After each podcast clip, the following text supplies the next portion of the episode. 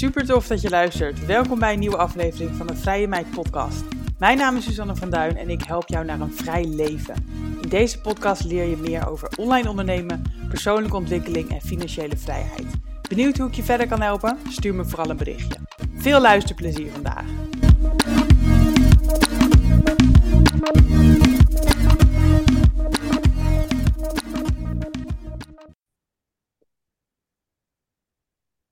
Eva Spicht is professioneel avonturier. Ze reed afgelopen jaren naar de Noordkaap en naar Dakar en deed mee aan het tv-programma You Never Walk Alone op SBS 6, wat ze won.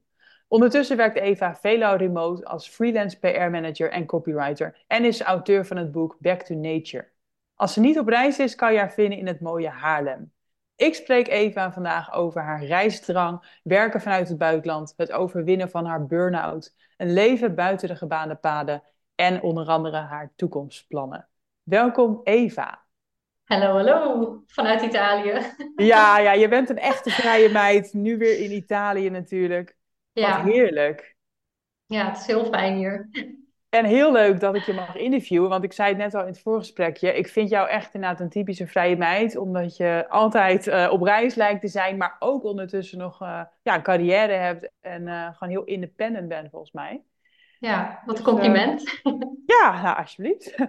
daar, daar gaan we het ook over hebben. Um, misschien heel even een uitlegje van je, van je beroep. Hè? Je bent freelance PR-manager en copywriter. Ja, klopt. Houdt dit in? Um, ja, als PR-manager zorg ik er eigenlijk voor dat de bedrijven of de klanten waarvoor ik werk, dat zij in de media komen. Uh, dus dat kan zijn magazines, online magazines, tv, radio, influencer samenwerkingen. En als copywriter ja, help ik bedrijven met ja, het schrijven van copy, artikelen ja. schrijven, blogartikelen, dat soort dingen, website teksten. Blog ja. je ook nog voor Bedrock? Uh, dat heb ik heel lange tijd gedaan, vast. En nu alleen als ik ja, interessante mensen ontmoet. Uh, dan ben ik weer artikelen aan het pitchen. Dus ja. Oh, ja. Ja. ja, ik heb ook een tijdje geleden de uh, oude hoofdredacteur Rosa Bertram gesproken. Ah, leuk. Ja, ja. Dat ook echt zo'n En die ken ik goed. ja, leuk. En uh, wij hebben natuurlijk ook samengewerkt. Jij hebt voor Snapper ook gefreelanced. En ja. werkt ook nu voor Flow freelance. Dus... Ja, we gaan komen... way back. Ja, we komen elkaar al jaren tegen. Dus superleuk om weer even de diepte in te gaan met jou. Ja, absoluut. Um, en je doet dit natuurlijk veel, veel remote, want je, je reist veel. Uh, Ja. Wanneer ben jij begonnen met dit freelance remote leven? Um, ja, wanneer?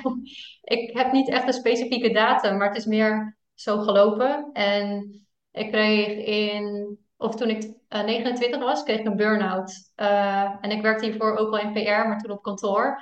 En ik merkte eigenlijk altijd al, ik vind het verschrikkelijk. dus ik vond mijn baan vond maar het voelde gewoon echt als gevangenis om op kantoor te zitten. Uh, dus op mijn 29e mega burn-out. En dan moet je reintegreren. Uh, dus dat probeerde ik weer, weer op kantoor. Maar het ging gewoon weer fout eigenlijk. Zodra ik... Ik moest maar drie dagen op kantoor werken. Maar ik dacht meteen, kreeg ik weer paniek. Uh, dus toen ben ik met een coach gaan praten. En eigenlijk met mijn intenties en gedachten aan de gang gegaan. Want ik dacht, dat leven wat ik nu heb, dat kan niet, is niet mogelijk, niet voor mij weggelegd. Um, ja, dus toen begon het eigenlijk een beetje te lopen. Zei ze tegen mij, Eve, you can do anything you want. Uh, alles is mogelijk. Dus zo ben ik eigenlijk een beetje begonnen. dus niet een specifieke datum, maar het ging gewoon ja, geleidelijk. Nog steeds met die burn-out, uh, maar wel opdrachtjes doen. En zo ben ik uiteindelijk wel bovenop gekomen. Ja, dus vanuit je burn-out ben je begonnen met freelancen. ja. En daarna dat ook soort van remote gaan doen. Want ja, je werkte veel thuis, denk ik. Ja, ja dat was ook nog tijdens corona, dat soort dingen. Uh, maar tijdens mijn burn-out ook dat boek geschreven. En eigenlijk gewoon alles gedaan op mijn eigen tempo. En dat was voor mij het beste om uit die burn-out te komen. Ik wilde gewoon niet meer om negen uur op kantoor zijn. Maar als ik een slechte nacht heb gehad, dan kon ik gewoon om tien uur gaan werken voor mijn opdrachtgevers. En dat ging gewoon veel beter voor mij. Ja, echt een stukje vrijheid eigenlijk. Ja, ik merk dat is gewoon een van mijn kernwaarden. En als die van mij wordt afgenomen, dan, ja, dan krijg ik gewoon paniek. Ja. ja. Maar dan ben je nog relatief laat eigenlijk tot die conclusie gekomen. Ja, ik denk. Omdat, of dat vind ik in Nederland, iedereen die leeft zo volgens bepaalde regeltjes. Uh, en na je middelbare school moet je gaan studeren en dan heb je een vaste baan en dan ga je partner zoeken en dat soort dingen. Dus ik probeerde heel lang mee te gaan in ja, het leven wat heel veel mensen doen in Nederland, vind ik. Totdat ik er dus uiteindelijk achter komt, wow, dit, dit kan ik gewoon niet. Dus dat is niet wat ik wil. Nee. En hoe kom je er dan achter wat je wel wil, wat wel voor jou werkt? Ehm, nou ja, ik was echt helemaal los tijdens die burn-out. En ik wist niet eens meer wie ik zelf was. En uh, ja, eigenlijk heel verdrietig was het allemaal. En toen ben ik dus met de coach aan de slag gegaan. Oké, wat zijn je kernwaarden? Vision boards gaan maken. En ik heb zelfs aan vrienden gevraagd, ja, maar wie is Eva dan? Waar staat Eva voor? En iedereen kwam altijd wel met ja, vrijheid en reizen en avontuur. En ja, een stukje bij beetje vond ik gewoon weer mezelf. En dacht ik gewoon, ja, terug naar kantoor is gewoon echt geen optie. Dus hoe dan wel? Wat kan wel? Nou ja, het leven wat ik nu heb. Ja, dus ja. voor mezelf werken, ja. Maar ja, met, de, met deze kennis snap ik ook waarom je altijd zo straalt op foto's en zo. Want je, hebt, je kent ook de andere kant. En nu inderdaad reis je veel en ben je freelance, gewoon lekker remote aan het werk en living the dream, zeg maar. Dat, zo ervaar jij denk ik ook nog dagelijks. Ja, absoluut. Nu je dat zegt, krijg ik ook weer kippenvel. Want ik ben gewoon elke dag weer zo dankbaar voor dit leven, wat ik aan het doen ben. En ja, dat het allemaal gewoon kan, zeg maar. Ja, ja, maar dat is het ook. Het, het is toch soms bizar dat, dat dit mogelijk is, weet je What a time to be alive. Absoluut. Maar je zei het net al, je, je, je ging heel lang mee in, in het leven wat de meeste mensen leven. Het lijkt me ook wel moeilijk om daarvan af te wijken, om out of the box te gaan of hè, van het gebaande pad af.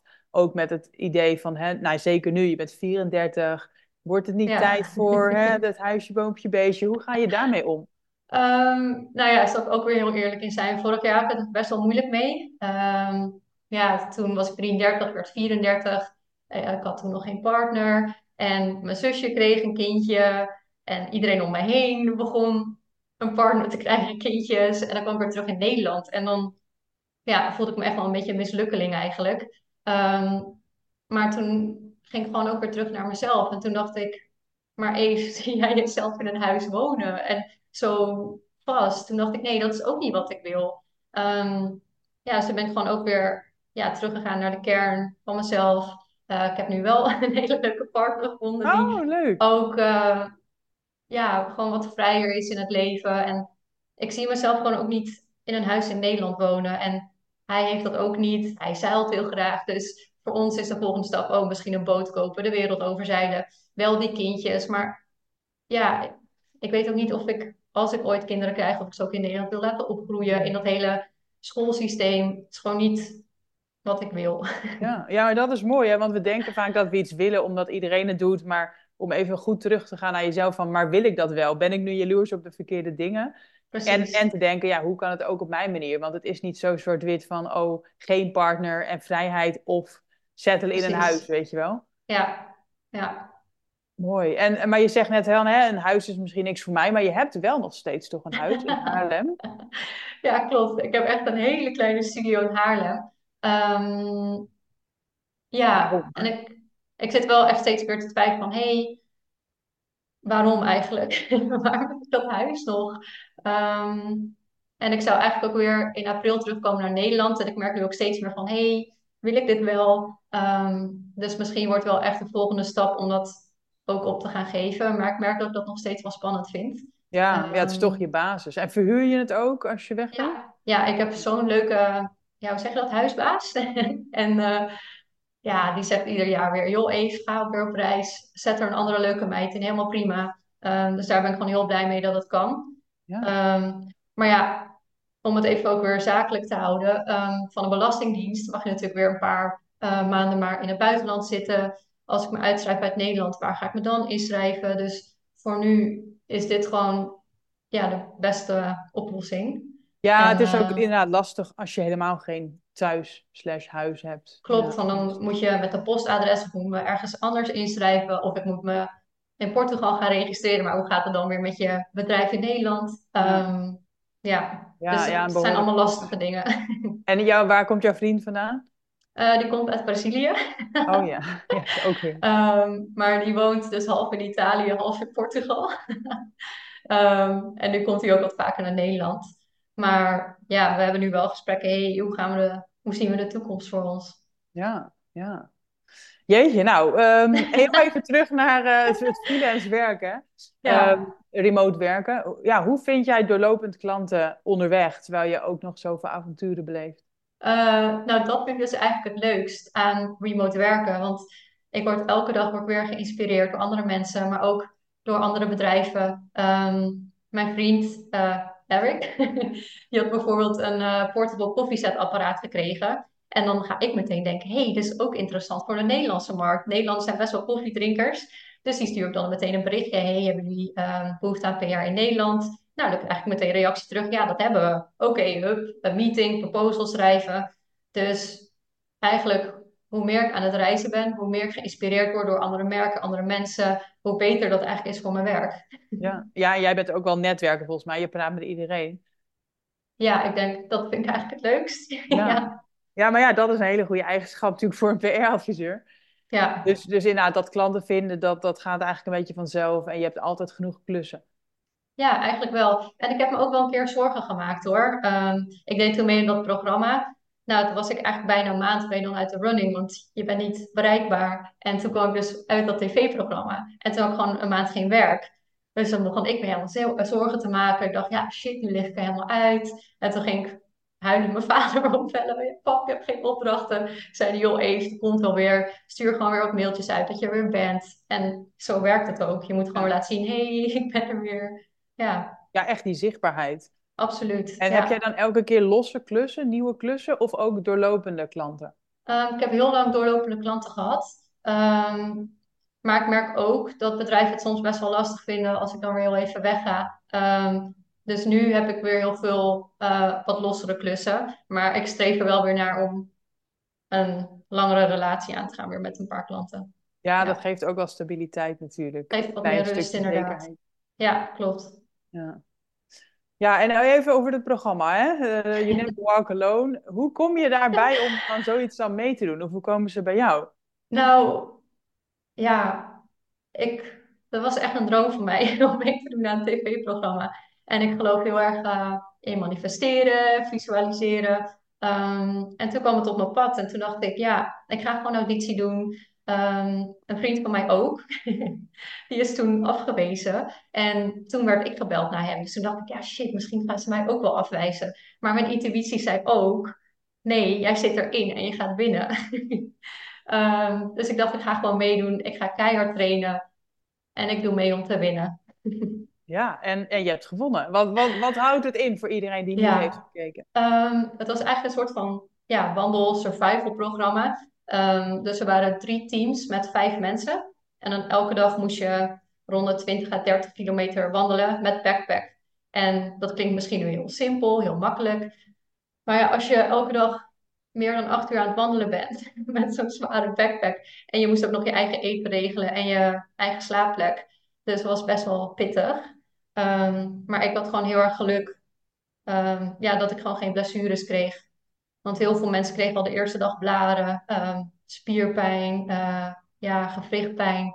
En uh, ja, oh ja, dus je kon elkaar ook nog eruit stemmen. Uit het team?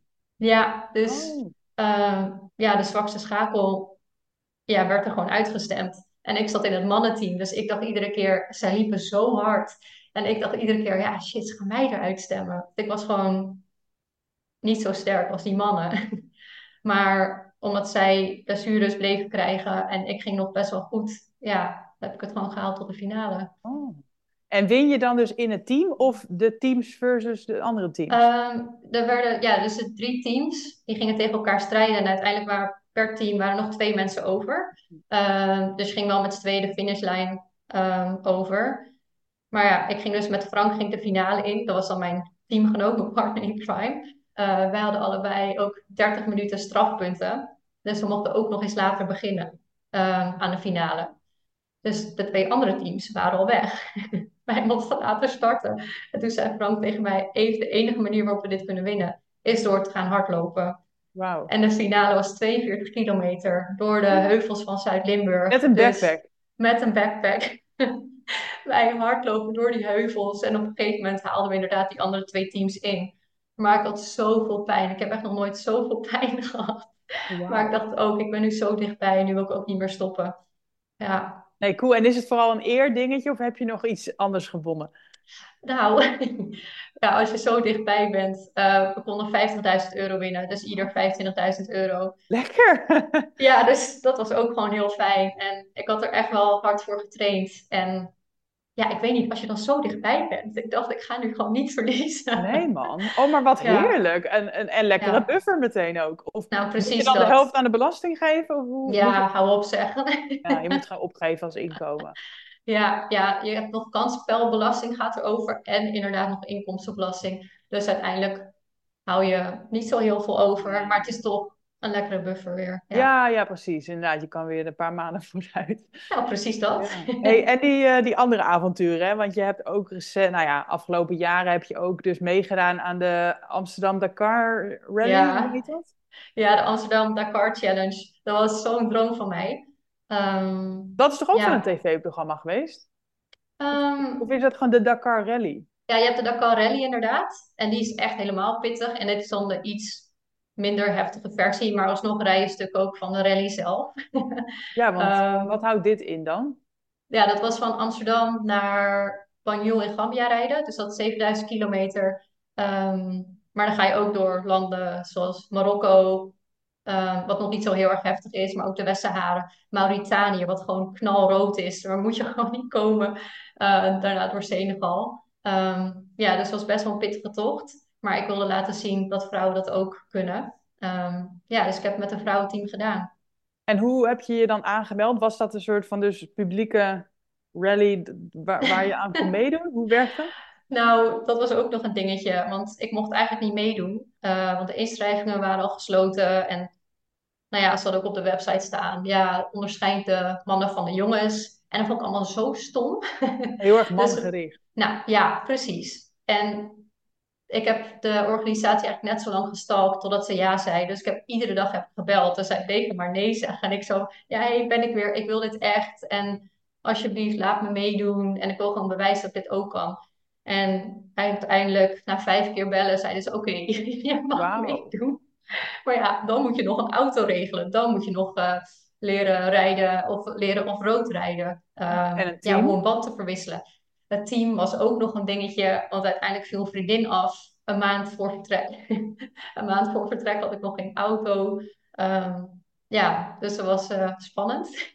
Maar uiteindelijk is het allemaal gelukt. Wauw. En hoe lang heb je erover gedaan om naar Dakar of naar eh, Gambia te rijden? Ehm, uiteindelijk 21 dagen. Maar dan ben je wel echt elke dag ben je, ja, aan het rijden, ben je onderweg. Dus ik heb ook wel een dag gehuild hoor. Ja. Ja, Dat je ik denkt, waarom doe ik dit? Nou, precies dat. Ik dacht, Jezus, Eva, wat moet je nou weer bewijzen? Waarom doe je dit nou? Ehm, maar het was ook echt het avontuur van mijn leven. Ja, Ja. Ja, want inderdaad, dit, dit drijft je dan omdat je denkt van ik wil laten zien dat vrouwen dit ook kunnen. Het is een mooi avontuur natuurlijk. Maar op zo'n moment werk je dan niet. Voordat we verder gaan, wil ik het even met jullie hebben over een belangrijk onderwerp voor ondernemers, namelijk je administratie.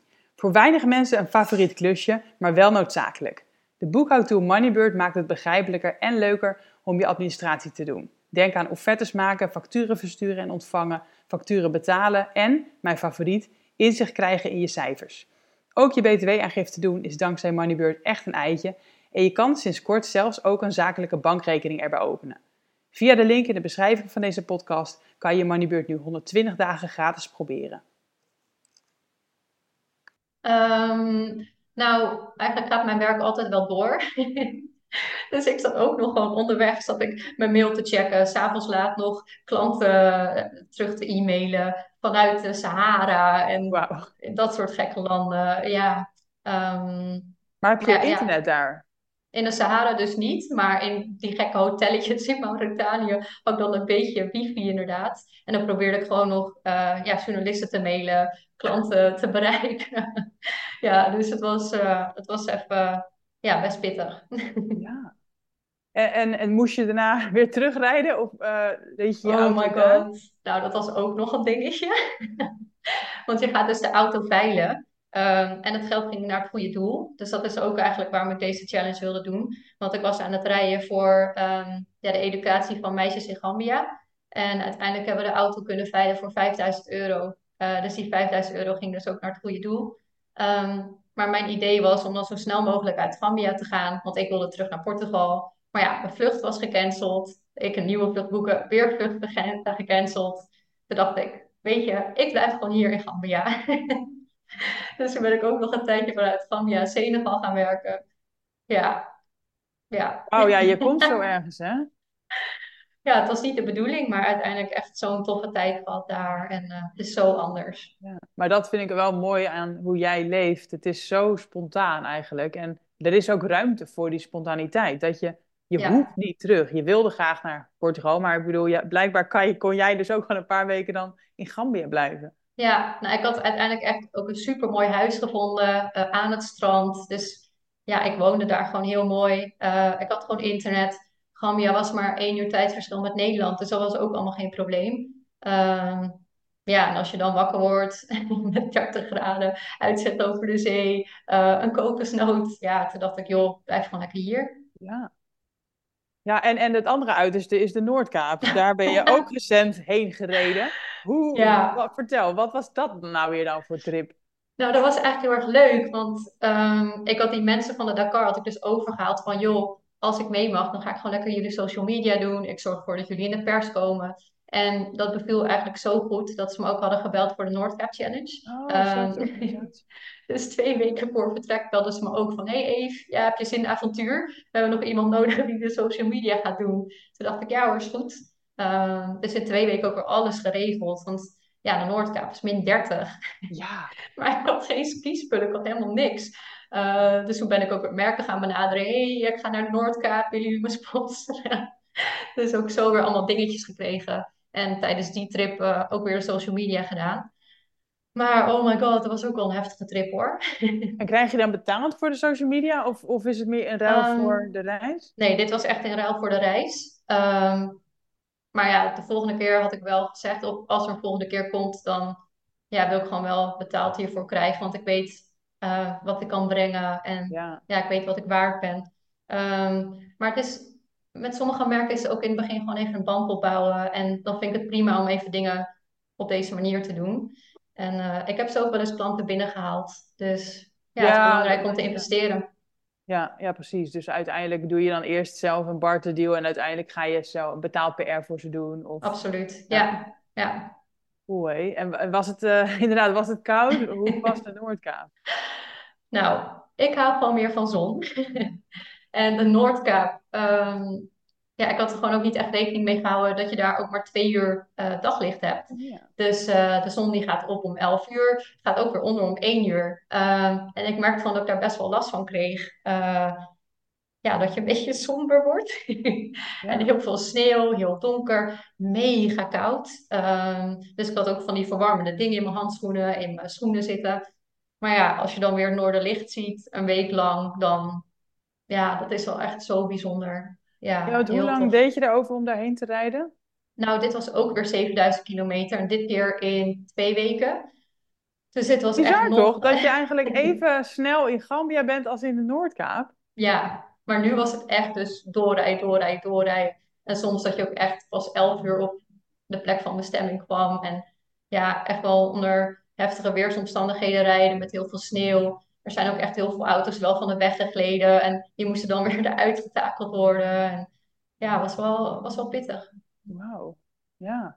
En, en werk je, heb je ook op de Noordkaap gewerkt? Nog? Uh, nee, toen heb ik echt twee weken vrijgenomen. Omdat ik wist dat dit nog heftiger ging zijn. En uh, ja, dus toen even twee weken uh, vakantie. Maar je merkt wel dat dat meteen weer effect heeft op werk hoor. Ja, want dat is natuurlijk ja, een, een, een onzekerheid die je hebt als freelancer ook. Van ja, als je geen uren maakt, dan komt er ook niks binnen. Precies maar hoe dat. houd jij die balans eh, tussen inderdaad avonturen slash geld verdienen en reizen en ja. werken? Nee, dat is wel een goede vraag. Um, ik had ook gewoon ja, vorig jaar dus gelukt dat, dat ik het tv-programma had gewonnen. Dus dat ik iets meer financiële ruimte had. Um, maar ja, in januari dacht ik wel weer, ja, Eve, uh, ik had bepaalde doelen ook voor mezelf gesteld. Ik wilde gewoon meer gaan verdienen. Nou, dan moet je natuurlijk ook er meer ervoor gaan doen. Of je uurtarief omhoog gooien en andere manieren verzinnen om meer te gaan verdienen. Um, ja, dus het is altijd een beetje een balans zoeken. Wat kan wel, wat kan niet. eh, vorig jaar dus dat gelukje met tv-programma. Dit jaar gewoon weer knallen en ja, ervoor gaan.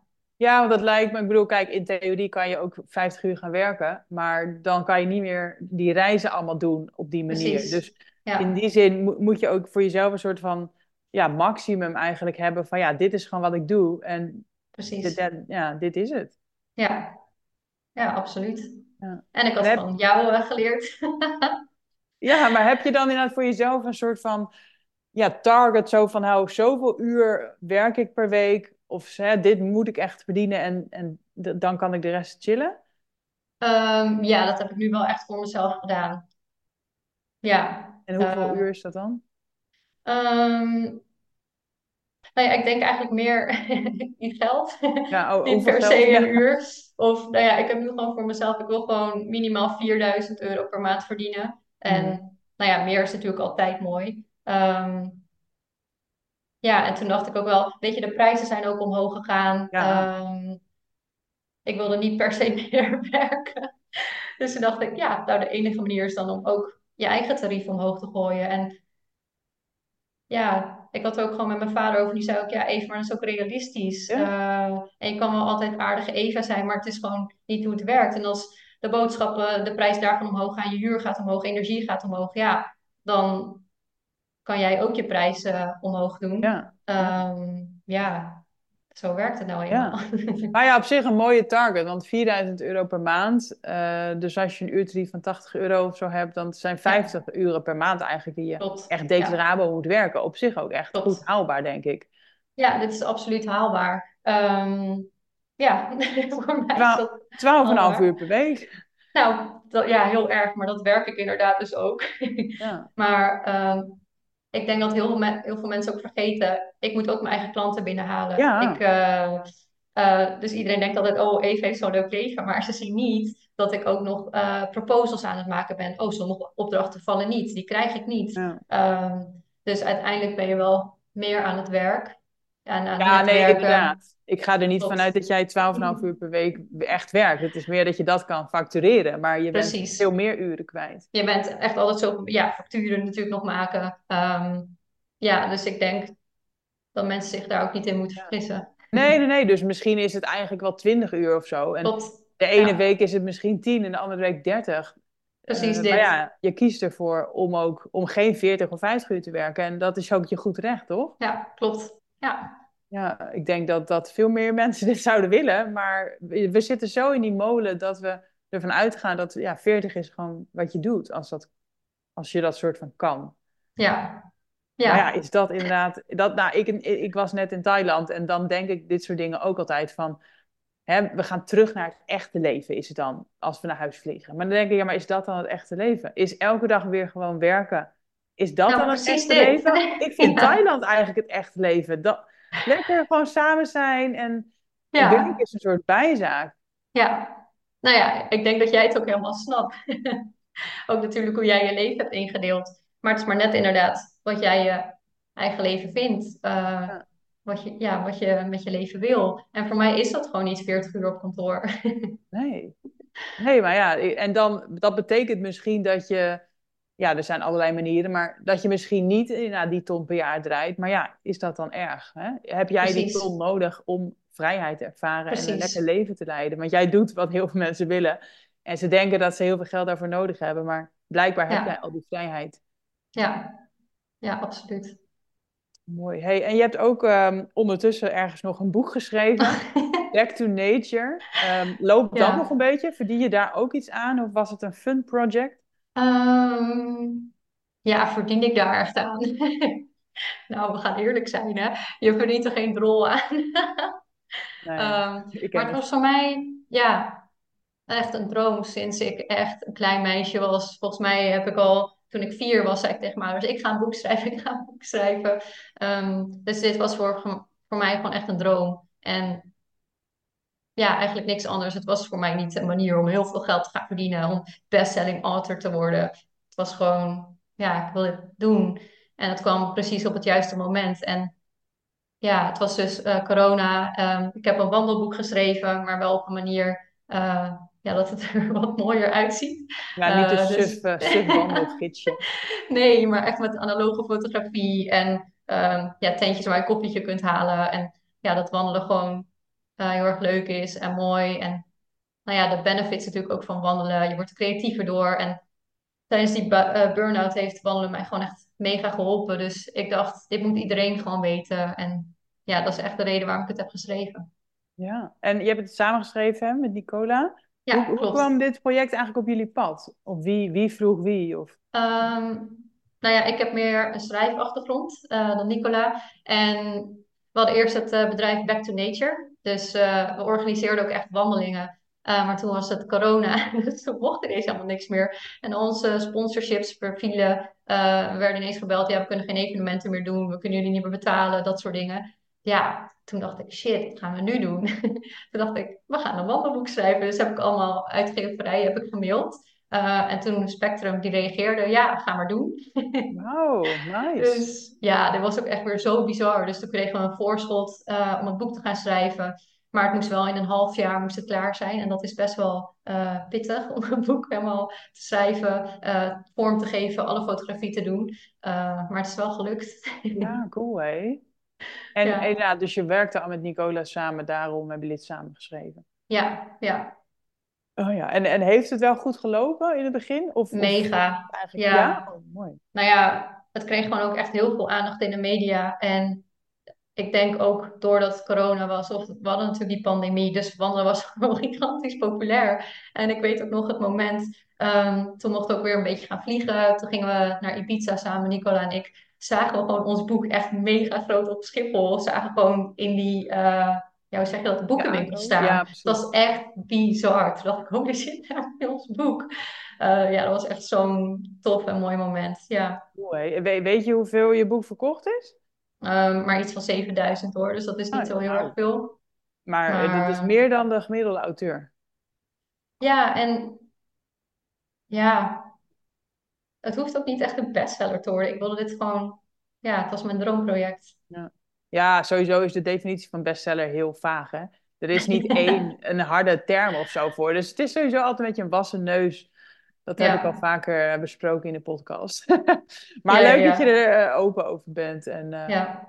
Maar inderdaad, het is niet iets om rijk van te worden, maar het is wel gewoon echt een heel cool ding. En wat dat betreft heb, je, heb jij natuurlijk echt heel veel echt van die bucketlist dingen gedaan. Weet je, dit soort deelnames aan programma's en toffe reizen en ondernemen en een boek. Ja, hallo, dat, daar, daar dromen veel mensen van. En jij doet het.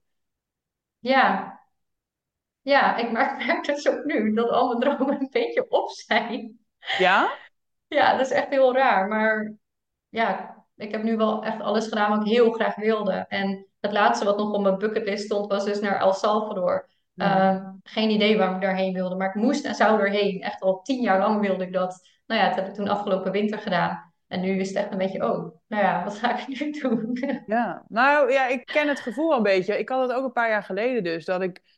Ja, bij mij was dat dus een beetje het begin van mijn kinderwens. Dat ik toen dacht van, ja, ga ik nou weer een reis maken, weet je wel? Of ja. haal ik daar dan echt nog mijn voldoening uit? Ik zeg niet dat reizen niet meer leuk is, want het is nog steeds, maar het waren niet meer echt grote doelen.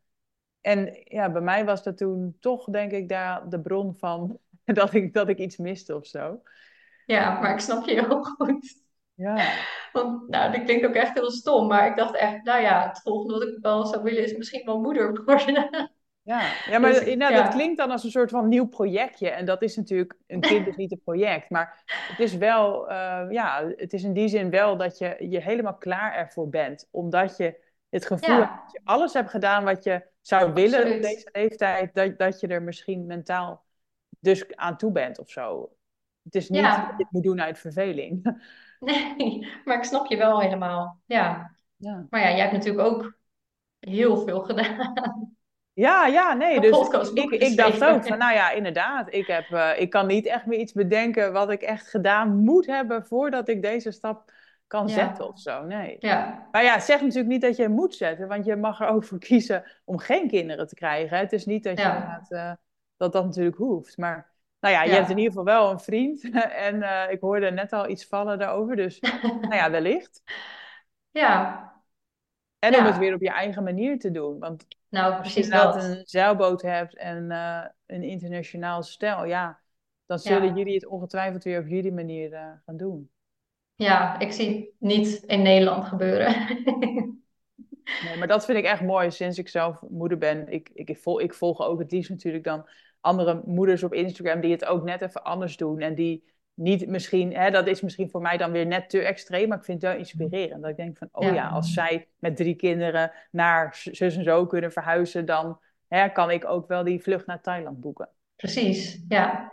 Want hoe is dat nu bij jou? Heb jij nog een volgende droom nu? Of, eh, Nou, mijn, mijn eh, grote droom nu is, is om een sabbatical te hebben met eh, mijn vriend Ja, en mijn kindje. Om echt, echt wel een grote, lange reis te maken samen. Dat is toch anders dan een vakantietje. Dus ja. dat, dat staat voor oktober op de planning, om Oh, dan wauw. een half jaar weg te gaan. Wauw. En ehm, ja, dat bedoel, op zich is het ook weer niet heel lastig om te realiseren, want ja, je moet gewoon gaan. Maar het is meer ja, qua business en qua huis en qua opvang en qua werk, dat je toch wel weer een hele hoop moet regelen. En dat het zo makkelijk is om te denken, nou laat maar. Ja, ja, ik, ik weet niet, ik, ik, ehm, ik wil daar gewoon voor gaan. Dus dit, dat soort di- dingen moeten we allemaal nu een beetje gaan regelen en gaan uitzoeken. ja. Dus meer weet je ook al eh, waar je heen wil? Nou, ik denk toch een beetje een soort rondje wereld. Dat heb ik altijd Wauw. in mijn hoofd, dat ik letterlijk om de aarde heen gevlogen wil hebben. Ik ben, ik ben altijd zeg maar gevlogen en teruggegaan. Maar ik heb nooit het, letterlijk het rondje gemaakt. Dus ik denk toch wel dat we in Azië beginnen en uiteindelijk via Australië ja, richting Amerika gaan en dan weer uitkomen in Nederland. Ja. en, en wat we precies allemaal gaan doen en zo, dat, dat willen we helemaal niet vastleggen. Maar globaal denk ik wel dat dat een beetje de route wordt. Super tof. Ja, en ik weet ook niet of we heel veel verschillende plekken gaan aandoen of juist langer op één plek blijven elke keer. Ja, dat gaan we gewoon zien, afhankelijk van waar we dan zin in hebben en ook hoe het natuurlijk met, eh, met ons kindje gaat. Ja, precies. Ja. Nou. Ja, en jij? Ja, wat, los van wel of geen kinderwens, hè, maar hoe, ja, wat is jouw... Ja, je hebt geen grote dromen meer, maar heb je wel bepaalde doelen of bepaalde plannen? Ehm, ik heb een geheimpje. Oh, Nee, ik, ehm, ik wil gewoon eigenlijk het PR-werk weer meer serieus gaan nemen. Want vorig jaar was ik natuurlijk be- eh, bezig met het tv-programma, was een beetje lalalala. Dus ik ben nu eigenlijk gestart met The Good PR. En dit weet eigenlijk helemaal niemand. Ehm, spoiler. ja, dus ik ben bezig met de website. Ik heb net een paar hele mooie nieuwe klanten binnengehaald. Eh, ik ben bezig met het logo. Dus ehm, ja, ik merk gewoon echt dat ik iets wil gaan neerzetten. En niet meer onder mijn eigen naam, maar gewoon echt onder een grotere naam. Ja, En echt een soort eh, bureau. Of- ja, maar dan wel remote. Ehm, ja, dus En daar ben ik echt. freelancers? Of, of... Ja, het liefst wel. Dus eigenlijk een beetje wat jij hebt gedaan met Snapper. Ja. ehm, maar ik merk gewoon dat is er niet echt in de PR-wereld. En dat vind ik dus heel raar. Dus eigenlijk wil ik gewoon, ja, net zoals wat jij hebt gedaan, een nieuwe manier van PR gaan aanbieden. Ehm, ja, en dan ook het liefst natuurlijk met sustainable merken of die iets goeds doen Mhm. voor de wereld. En nou ja, toen ik ineens vier klanten erbij kreeg, toen dacht ik, ja, Eve, ga het nu gewoon doen. Ga die professionalisering maken. En ik vind het super spannend om naar buiten te treden hiermee. Ehm, maar ja, het is nu wel het moment. Ja, vet hè. Dus gewoon een remote PR-bureau gericht op sustainability, the good Ja, PR. Ja. Hè? ja, ik heb hier zelf inderdaad ook vaker aan gedacht. Ook, ehm, dan zat ik inderdaad een beetje zo van, hè, people, planet, profit, zeggen ze altijd. En ik dacht dan, people, planet, PR. Dus die slogan mag je gebruiken als je wil. Yes. Nee, maar vet, leuk. En ook inderdaad om, Ja, om iets meer focus te, te hebben op misschien wel business. Misschien was het inderdaad altijd echt een middel om gewoon heel veel vrijheid te hebben. En is het nu meer een doel aan zich om, om daar iets meer voldoening uit te halen en impact mee te maken? Ja, ja, eigenlijk wel. En ik merk gewoon dat het dus weer heel erg goed gaat. Toen dacht ik, oh, er is dus wel echt behoefte aan. En eh, Ja, en je bent ook geen 25 meer, weet je. Je hebt inmiddels echt veel ervaring in PR. Je kent echt vet veel media en bedrijven kennen je. Ja, misschien is het een hele mooie next step. precies. Ja. Leuk. Nou ja, als je een keer vragen hebt over het uitbouwen ervan, eh. Absoluut, dan gaan we even in gesprek. Ja, ja. nee, jij bent wel echt altijd een inspiratiebron voor me geweest. En eh, ja. ja, je hebt me altijd geïnspireerd. Ja, want Dus, wij hebben eh, ook ooit een koffertje gedaan als allereerste kennismaking, denk ik. Toen jij wilde gaan freelancen, volgens mij.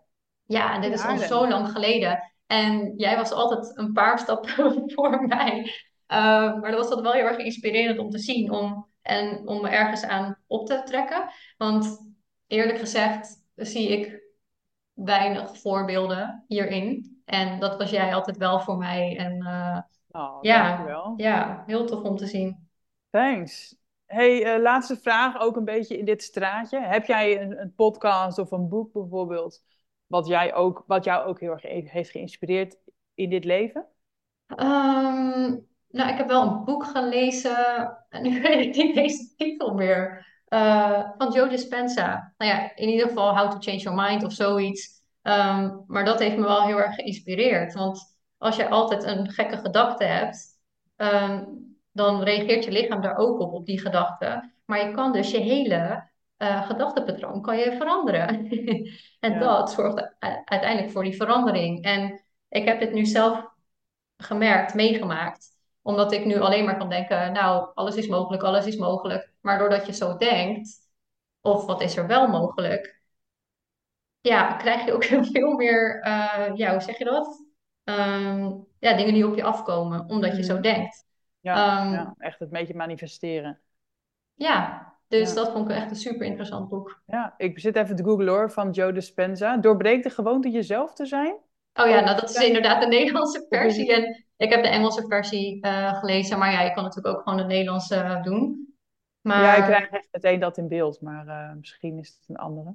ja, Becoming. Supernatural heeft hij ook geschreven. ja, Nou ja, Joe Dispenza in ieder geval. precies. Nice. nou, leuk. Goeie tip. Ik ga hem in de show notes zetten en ik zou ook een linkje opnemen naar jouw boek. En Oh, eh, een ja. linkje naar je Instagram. Eh, dat is Eva Spicht. Adventures. Oh ja, Eventures. Nice. Ik zal een linkje opnemen ook. Leuk.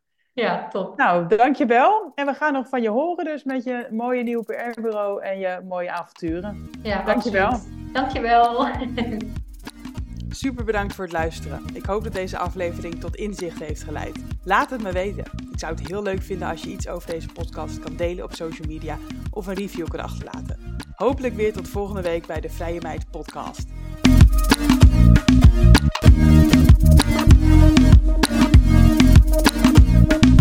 Thank